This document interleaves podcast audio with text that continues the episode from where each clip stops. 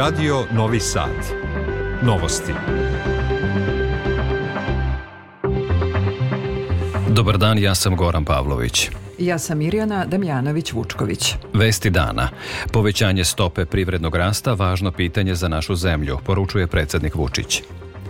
Normalizacija odnosa sa Prištinom i usklađivanje sa evropskom spoljnom politikom odredit će dinamiku srpskog puta prema Evropskoj uniji, poručuju u izveštaju zvaničnici Unije. Tri vagona cisterne pune propana iskliznule sa šina u Subotici. Opasnost po okolinu ne postoji, tvrde nadležni. Dodatno opada nivo nabujalih reka. NATO iznalazi rešenje za pomoć Ukrajini u tenkovima. U Vojvodini do kraja dana oblačno uz moguću kišu. Sutra slično vreme sa temperaturom do 5 stepeni. Prema poslednjim merenjima u Novom Sadu je 4 stepena. Za Srbiju je ključno da poveća stopu privrednog rasta, rekao je predsednik Aleksandar Vučić na sednici Saveta za koordinaciju aktivnosti mera za rast brutodruštvenog proizvoda. Moramo da očuvamo ili podignemo nivo zaposlenosti, da snažimo industriju i građevinarstvo, pravimo nove objekte u energetskoj infrastrukturi, naveo je Vučić na Instagramu. On je sednici prisustvovao na poziv premijerke Ane Brnabić. Sednici saveta su prisustvovali i svi ostali ministri vlade Srbije. Aktuelni ultimatum Evropske unije isporučen Srbiji i Kosovu rezultat je više od 20 godina frustracija u odnosima Evropske unije i Srbije, kao i između Evropske unije i Kosova, smatra naš ekonomista Branko Milanović. Osnovni razlog su po njemu izneverena očekivanja. Brisel ima sve manje da ponudi Srbiji i ostalim kandidatima za članstvo u Evropskoj uniji, jer su ta obećanja bez kredibiliteta. Dakle, kako kaže naš sagovornik, može da nudi samo štap bez šargarepe, ne sporeći da bi sankcije bile pogubne za našu zemlju. Opširnije Boro Lazukić. Plan za Kosovo i Metohiju nije više samo francusko-nemački, već mnogo više od toga, rekao je predsednik Aleksandar Vučić. Ističe da mu je na sastanku Velike petorke rečeno da moramo da prihvatimo plan, kao i da ćemo se u suprotnom suočiti sa nesagledivim sankcijama. Poručuje i da sledi velika borba za zajednicu srpskih opština, kao i da ga brine što ne postoji racionalniji pristup rešavanju problema. U drugoj rečenici koja mi je saopštena, rečeno je morate da prihvatite ovaj plan, a ako ga ne prihvatite, de facto novi pregovarački okvir za put ka Evropi, suočit ćete se pod jedan sa prekidom procesa evropskih integracija. Po dva, suočit ćete se sa zaustavljanjem, a zatim i povlačenjem investicija. Po tri, sa sveobuhvatnim merama u političkom i ekonomskom smislu koji će naneti veliku štetu Republici Srbiji. Ako ne prihvatimo taj račun bez krčmara, suočit ćemo se sa vrlo teškim posledicama, upozorava Vladimir Trapara sa Instituta za međunarodnu politiku i privredu. On smatra da pretnju Evropske unije treba krajnje ozbiljno shvatiti, jer, kako reče, imamo posla sa ljudima koji misle da indirektno mogu da poraze jednu Rusiju, što znači da su sasvim sigurni da mogu da slome Srbiju. Dakle, suština je da se od nas u tom ultimatumu traži da implicitno priznamo Kosovo. Dakle, faktički da ga priznamo tretiranjem kao ravnopravnog partnera i obavezivanjem da ne stemo na put njegovom članstvu u bilo kojoj međunarodnoj organizaciji. Znači, praktično od nas se traži da predamo jedino što nismo do sada predali, a za uzvrat ćemo dobiti ono na šta se Priština obavezala još pre 10 godina, odnosno suštinsku samoupravu za Srbe na Kosovu. Državni sekretar u Ministarstvu odbrane Nemanja Starović rekao je za RTS da najava predsednika Vučića da će razgovarati sa predstavnicima parlamentarnih strana kao predlogu međunarodnih posrednika govori o težini izazova sa kojima se suočavamo. Miljan Delević, koji je juče ranjen na magistralnom putu Kosovska Mitrovica Leposavić od strane pripadnika Rosu, biće prebačen iz Kraljeva za Beograd, gde će se na lični zahtev lečiti na Vojno-medicinskoj akademiji. Direktor opšte bolnice Kraljevo, dr. Zoran Mrvić, rekao je da je ranjeni Miljan Delević stabilnog zdravstvenog stanja. Ranjenog Delevića danas je obišao i direktor Kancelarije za Kosovo i Metohiju Petar Petković. Specijalci kosovske policije postavili su betonske blokove na improvizovanom punktu kod takozvanog Bistričkog mosta na magistralnom putu Mitrovica-Leposavić i dodatno ojačali kontejner postavljen na odmorištu pored samog puta.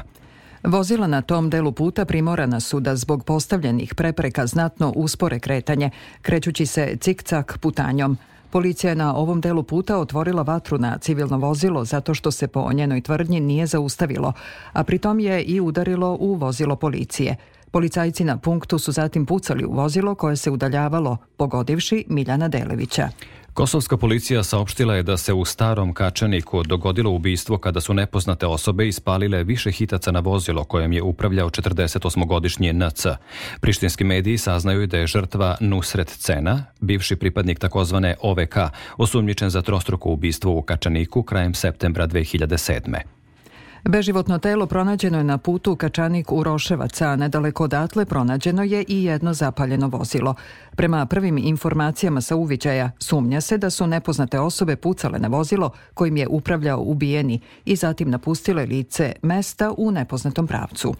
Izvestilac Evropskog parlamenta za Srbiju Vladimir Bilčik predstavio je nacrt izveštaja za našu zemlju. U prvoj verziji o kojoj će poslanice debitovati 9. februara konstatovana je posvećenost evrointegracijama, ali i da će dinamika pregovora zavisiti od normalizacije odnosa sa Prištinom, kao i usklađivanja sa spoljnom i bezbednostnom politikom Unije. Detaljnije Ivan Ilić. U nacrtu izveštaja koje je pripremio izvestilac Bilčik najpre se pozdravlja činjenica da članstvo u EU ostaje glavni strateški cilj Srbije. Dinamiku procesa će, kako je naglašeno, određivati napredak u oblasti vladavine prava, kao i normalizacija odnosa sa Prištinom i od prošle godine posebno naglašeni faktor usklađivanje sa spoljnom i bezbednostnom politikom Unije. Bilčik žali zbog niskog nivoa usklađenosti, pogotovo u kontekstu rata u Ukrajini i neusklađivanja sa politikom sankcija, iako je primio k znanju usklađivanje Srbije sa određenim rezultatima rezolucijama UN-a. Primećeni su i koraci koje je Srbija preduzela u usklađivanju sa viznom politikom Evropske unije. Po pitanju relacija sa Prištinom, Bilčik je zabrinut zbog tenzija na severu i smatra neprihvatljivom pucnjevu na Badnje veče u kojoj su ranjena dvojica mladića. U izveštaju je data puna podrška Miroslavu Lajčaku, poziva se na sprovođenje svih ranije postignutih sporazuma, uključujući i zajednicu srpskih opština i očekuje se veći angažman u dijalogu kako bi se došlo do pravno obavezujućeg sporazuma. Srbija se pohvaljuje za regionalnu saradnju i postiče se na povećanje napora za pomirenje, kao i u izveštaju komesara Varheja konstatuje se napredak u razvoju tržišne ekonomije, mada se izražava zabrinutost zbog investicija Rusije i Kine, a zamera se i slabija vidljivost evropskog finansiranja u javnosti. Prva debata o izveštaju pred spoljno-političkim odborom je zakazana za 9. februar, a poslanici će do 15. februara imati vremena za podnošenje amandmana. Usvajanje u vidu rezolucije očekuje se u martu ili aprilu. Ministar spoljnih poslova Ivica Dačić sastao se u Briselu sa članovima Evropskog parlamenta. Dačić je na sastanku sa izvestiocem Demetrisom Papadakisem i medijatorom Evropskog parlamenta u dijalogu sa Narodnom skupštinom Matjažom Nemecem. Kasnije će se sresti sa kopredsedavajućom delegacije Evropskog parlamenta u parlamentarnom odboru za stabilizaciju i pridruživanje Srbije Evropskoj uniji Alessandrom Moretti, kao i sa poslanicom zelenih u Evropskom parlamentu Violom von Kramon. Ministar spoljnih poslova će se između ostalog sastati sa šefom diplomatije Evropske unije Josepom Boreljom, kao i sa Miroslavom Lajčakom. Agenda 2030 je nacionalni prioritet Srbije, a proces evrointegracija nije suprotan ciljevima održivog razvoja, već je instrument za njihovo sprovođenje, istakla je resorna ministarka Tanja Miščević. Ona je predsedavala sastanku Zajedničkog upravnog odbora za sprovođenje okvira saradnje Srbije i Ujedinjenih nacija za održivi razvoj. Četvorogodišnji okvir obuhvata zajednički rad u cilju postizanja održivog razvoja, ali i finansijsku podršku našoj zemlji koja premašuje 350 miliona dolara. Opširnije Milijana Kočić. Zahvaljujući okviru saradnje Ujedinjenih nacija i Srbije od 2021. do 2025. naša zemlja je do septembra iskoristila 121 milion dolara za ciljeve održivog razvoja, među kojima su ključni zelena transformacija, socijalna zaštita, demografska otpornost i vladavina prava, ljudska prava, rodna ravnopravnost i dobro upravljanje.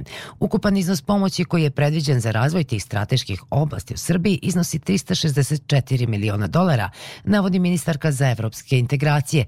Miščević ističe i da je postizanje ciljeva održivog razvoja nacionalni prioritet Srbije. Sa druge strane, strateški horizontalni prioritet Republike Srbije je definitivno proces evropskih integracija i mi tu ne pričamo o dve različite stvari, već naprotiv pričamo o agendi razvoja kroz korišćenje procesa pregovora kao instrumenta tog razvoja. Agenda 2030 je globalna razvojna agenda za period nakon 2015. U narednih 15 godina od država potpisnica očekuje se da mobilišu sve resurse kako bi iskorenile siromaštvo, borile se protiv nejednakosti i našle odgovore na klimatske promene.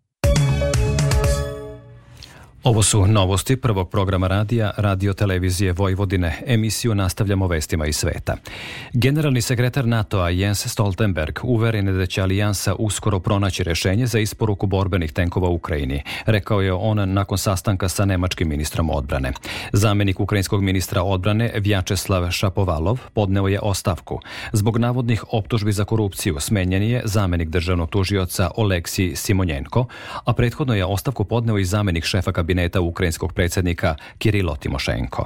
Ukrajina je uvela sankcije za 22 ruska državljana povezana sa Ruskom pravoslavnom crkvom zbog, kako je rekao predsjednik Zelenski, podrške genocidu pod plaštom religije. Nova ruska vojna reforma odgovor je na mogućnost širenja NATO-a i kolektivnom zapadu na korišćenje Ukrajine u hibridnom ratu protiv Rusije, rekao je novo imenovani načelnik generalštaba ruske vojske Valerij Gerasimov. Predsjednik Volodimir Zelenski rekao je da ruske snage danonoćno granatiraju i napadaju ukrajinske položaje duže linija fronta. Najžešći sukobi ukrajinske i ruske vojske su u Donbasu, Hersonskoj i Zaporoškoj oblasti. Evropska unija odobrila je novu tranšu vojne pomoći Ukrajini u vrednosti od pola milijarde evra uz dodatnih 45 miliona za obuku ukrajinskih vojnika. U pucnjavi na benzinskoj pumpi u Oklandu u Kaliforniji ubijena je jedna osoba, ranjeno je sedam, saopštila je policija. To je druga masovna smrtonosna pucnjava u ponedeljak u oblasti zaliva San Franciska i treća za tri dana. Poslednja u nizu pucnjava okarakterisana je kao obračun više lica. Jedna osoba je preminula od posljedica ranjavanja, a ostale su u stabilnom stanju. Niko još nije uhapšena, ni drugi detalji u vezi ovog incidenta nisu poznati.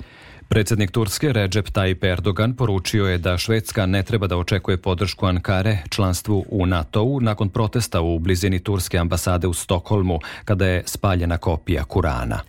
Finski ministar spoljnih poslova Pekka Hafisto rekao je da je potrebna pauza od nekoliko nedelja u razgovorima između Finske, Švedske i Turske.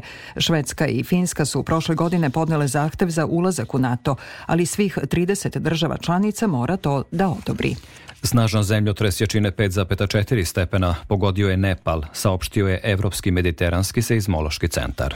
Zemljotres se osetio i u prestonici Indije, New Delhiju. Za sada nema informacija o povređenima niti pričinjenoj materijalnoj šteti. U nastavku novosti vraćamo se domaćim aktuelnostima.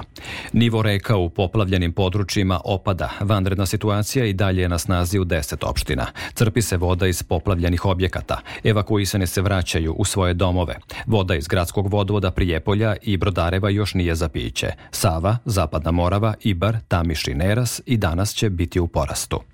Zbog poplava koje su nam se desile i natopljenosti zemlje vodom i dalje najkritičnije na slivu reke Ibar. U mestu Ušće se postavljaju mobilni sistemi odbrane od poplava. U ušću reke Studenice u Ibar kao i u naselju Raška gde su postavljeni zaštitni bedemi, rekao je za RTS Milorada Spasojević iz sektora za vanredne situacije MUPA Srbije. U Novom pazaru danas je dan žalosti zbog utapanja dvojice novopazaraca u reci Trnavici. Drugo polugodište za učenike osnovne škole Bratstvo jedinstvo iz Bezdana počelo je online zbog kvara na sistemu centralnog grejanja. Iako se očekivalo da će kvar biti rešen za nekoliko dana, učenici 17 odeljenja od prvog do osmog razreda već drugu nedelju nastavu pohađaju od kuće. Kako navode u osnovnoj školi Bratstvo jedinstvo, tokom prvog polugodišta nije bilo problema. Kvalitet mazuta nije upitan, već se ispituje gde je greška u sistemu grejanja. Grad Sombor zajedno sa školom aktivno učestvuje na otklanjanju uzroka kvara na sistemu centralnog grejanja. U Vojvodini je sve više preduzeća u kojima su žene većinski vlasnici, pokazuje statistika. Da bi se žensko preduzetništvo razvijalo, neophodno je posticajno okruženje. Ukazali su stručnjaci na panel diskusiji održanoj u Privrednoj komori, na kojoj je bilo reči o značaju međusektorske saradnje za razvoj ženskog preduzetništva i njegovoj promociji na tržištu. Više o tome Maja Stojanac. Ženama koje su pokrenule sobstveni biznis neophodno je ohrabrenje, stalna edukacija kao i razmena mišljenja sa ostalim preduzetnicama, kaže jedna od učesnica skupa koja se bavi osiguranjem Dragana Mihajlović. Mlade dame treba da ovo odradite zato što može da se sve postigne i znači da napravite jedan dobar rezultat u ženskom preduzetništvu. Znam kako je teško i raditi i odhranjivati decu, znači tu bit ću borac broj jedan. Na to koliko je podrška državnih organa važna, ukazuje predsjednik Privredne komore Vojvodine Vojvodine Boško Vučurević, najavljujući da će ta ustanova potpisati sporazum o saradnji sa udruženjem Biznis na štiklama. Međusektorska saradnja najdelotvorniji je način da se uslovi za razvoj ženskog preduzetništva poboljšaju, naglašava on. Ovo je takođe njihov dom i da su sva vrata privredne komore otvorena za razvoj ženskog preduzetništva.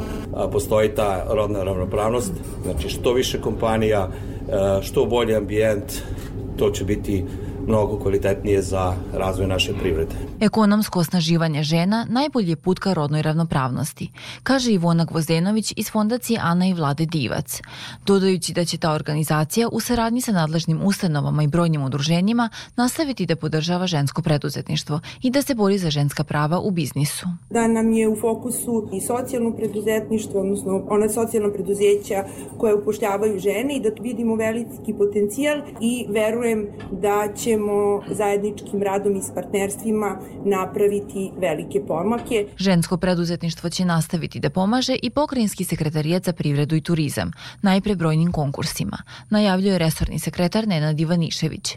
Dodaje da je uz međusektorsku saradnju dobar rezultat izvestan. U Subotičkoj teretnoj železničkoj stanici noća su sa šina iskliznule tri cisterne propilena. Nadležni uveravaju da nema oštećenja, curenja ni opasnosti po zdravlje ljudi i životnu sredinu. Krizni štab doneo je naredbu da se u prečniku od 200 metara evakuiše stanovništvo iz predostrožnosti zbog zapaljivosti propilena. Izveštava Boris Šuman. Do iskliznuća vagona je došlo na izlazu iz železničke stanice Subotica u pravcu Novog Sada na vozu sastavljenom od 23 cisterne propilena, čiji je prevoznik privatni operater kombinovani prevoz. Kako je za RTV rečeno u preduzeću infrastruktura železnice Srbije, noća su 1.35 u železničkoj stanici Subotica teretna i sastava teretnog voza sa koloseka su iskliznule tri cisterne. Iskliznule cisterne nisu oštećene, iz njih nema nikakvih curenja i nema nikakve opasnosti po ljude, imovinu i životnu sredinu. O iskliznuću su odmah obavešteni predstavnici MUPA i vatrogasne službe, čije su ekipe na licu mesta. Stručni timovi pomoćni voz infrastruktura železnice Srbije danas do 11 časova prvu cisternu su podigli na kolosek, u toku prepodneva trajalo je podizanje druge cisterne, dok je ostatak kompozicije uklonjen. Železnički saobraćaj između putničke i teretne stanice Subotica ponovo je uspostavljen danas u 10.50. Uzroke iskliznuća utvrdit će Železnička komisija za isleđenje vanrednih događaja. Novosadska policija ukapsila je muškarca za, za koga se sumnja da je na deonici između Petrova Radina i Sremskih Karlovaca ukrao delove kontaktne mreže koja služi za napajanje voza električnom energijom u dužini od 260 metara. Protiv osumnjičenog 34-godišnjeg muškarca bez prijavljenog prebivališta i boravišta, za kojim je inače tragala policija, biće podneta krivična prijava. Podsjetimo, sredinom januara zbog oštećenja delova pruge brzi voz Soko kasnio je nekoliko minuta, a prema izjavama putnika neki polasci su kasnili i do sat vremena. Patrijarh Srpski Porfir je otputovao i u Sjedinjene američke države gde će boraviti do 5. februara. Patrijarh će u Njujorku na Savindan 27. januara služiti svetu liturgiju, a zatim će prisustvovati svečanoj proslavi Svetog Save. U drugom delu posete od 29. januara do 4. februara Patrijarh Porfirije posetit će pravoslavni bogoslovski fakultet Svetog Save u Libertivilu kod Čikaga, gde će održati više sastanaka sa predstavnicima jedine visokoškolske ustanove Srpske pravoslavne crkve na severnoameričkom kontinentu. Violinista Stefan Milenković dobitnik je februarske nagrade Novog Sada. Odlučeno je na svečanoj sednici Skupštine grada. Laureatu, koji je bio jedan od petoro predloženih, najviše gradsko priznanje biće uručeno na svečanosti povodom Dana grada 1. februara u Srpskom narodnom pozorištu. Beleži Željana Ostojić. Odluka da Milenković svoje znanje i iskustva prenosi na Akademiju umetnosti u Novom Sadu, kao i da postavi rad nove gradske koncertne dvorane, neprocenjivo je za razvoj novosadske kulturne i obrazovne scene. Istakao je zamenik gradonačelnika Igor Crnobarac, dodajući da se doprinos svetskog virtuoza na violini ogleda i u tome što je klasičnu muziku približio građanima. Najbolji način da predstavite svoj grad, svoju državu, jeste kroz umetnost, kroz muziku, kroz mladost i to je ono u čemu se najbolje ogleda benefit prisustva Stefana Milenkovića u Novom Sadu. I ovom prilikom želim da iskažem zahvalnost gospodinu Milenkoviću što je pružio svoju bezrezervnu podršku prilikom podnošenja kandidature Novog Sada za titulu Evropske predstavnice kulture. Februarska nagrada dodeljuje se kao društveno priznanje za najznačajnije dela i dostignuće Novoseđana, a povodom Dana grada 1. februara, kada je 1748. Novi Sad proglašen slobodnim kraljevskim gradom. Nagrada je ustanovljena 1998. a prvi dobitnik bio je Đorđe Balašević. Večeras će u Srpskom narodnom pozorištu u 19 časova biti dodeljena godišnja nagrada Predrag Peđa Tomanović. Ovogodišnji dobitnici su Branislav Jerković i Dejan Maksimović, koji će primiti nagradu za najboljeg studenta. Opširnije Ana Čupić. Nagrada Predrag Peđe Tomanović već 28 godina dodeljuje se glumcu za najbolje odigranu ulogu u proteklom periodu, kao i za najboljeg studenta master akademskih studija. Glumac Srpskog narodnog pozorišta Branislav Jerković nagradu je dobio za dve uloge. Reč je o ulozi Edipa u predstavi Slepa mrlja u režiji Andreja Mažerija i o ulozi Magbeta u istoimenoj predstavi Nikite Milivojevića. Glumac je posebno naglasio da mu je čast što je dobitnik ovako velikog glumačkog priznanja priznanja. Dobijete nagradu koja je nosi ime jednog glumca, velikog glumca koji je ostavio ovde neizbrisiv trag. Nijako ja nisam bio u mogućnosti da ga gledam jer sam bio suviše mlad, što nisam upisao akademiju, ali od starijih kolega od koji sam slušao priče njemu, to je uglavnom sve u superlativima. Direktor drame Srpskog narodnog pozorišta Milovan Filipović istakao je da je ponosan što su se svi dobitnici ove nagrade utemeljili kao nosioci repertoara Srpskog narodnog pozorišta. Nagrada Peđa Tomanović je nešto što je zaista jedna osobenost Srpskog narodnog pozorišta. Ne postoji, mislim, pozorište u Srbiji koje ima priliku da na ovakav način dodeljuje nagradu. Milovan Filipović je takođe bio nosilac iste nagrade 99. godine.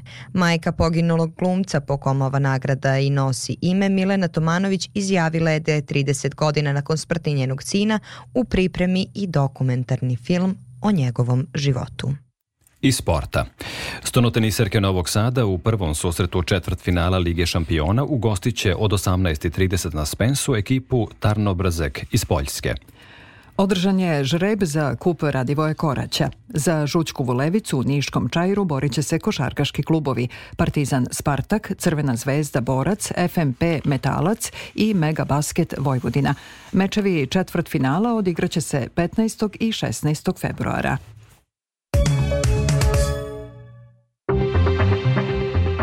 Pred kraj emisije podsjećanje na najvažnije vesti. Povećanje stopa privrednog rasta važno za pitanje, važno pitanje za našu zemlju, poručuje predsednik Vučić. Normalizacija odnosa sa Prištinom i usklađivanje sa evropskom spoljnom politikom odredit će dinamiku srpskog puta prema Evropskoj uniji, poručuju u izveštaju zvaničnici Unije. Tri vagona cisterne pune propana iskliznule sa šina u Subotici. Opasnost po okolinu ne postoji, tvrde nadležni. Dodatno opada nivo nabujalih reka. NATO iznalazi rešenje za pomoć Ukrajini u tenkovima. Prema poslednjim merenjima u Novom Sadu je 4 stepena. Da čujemo i opširniju prognozu.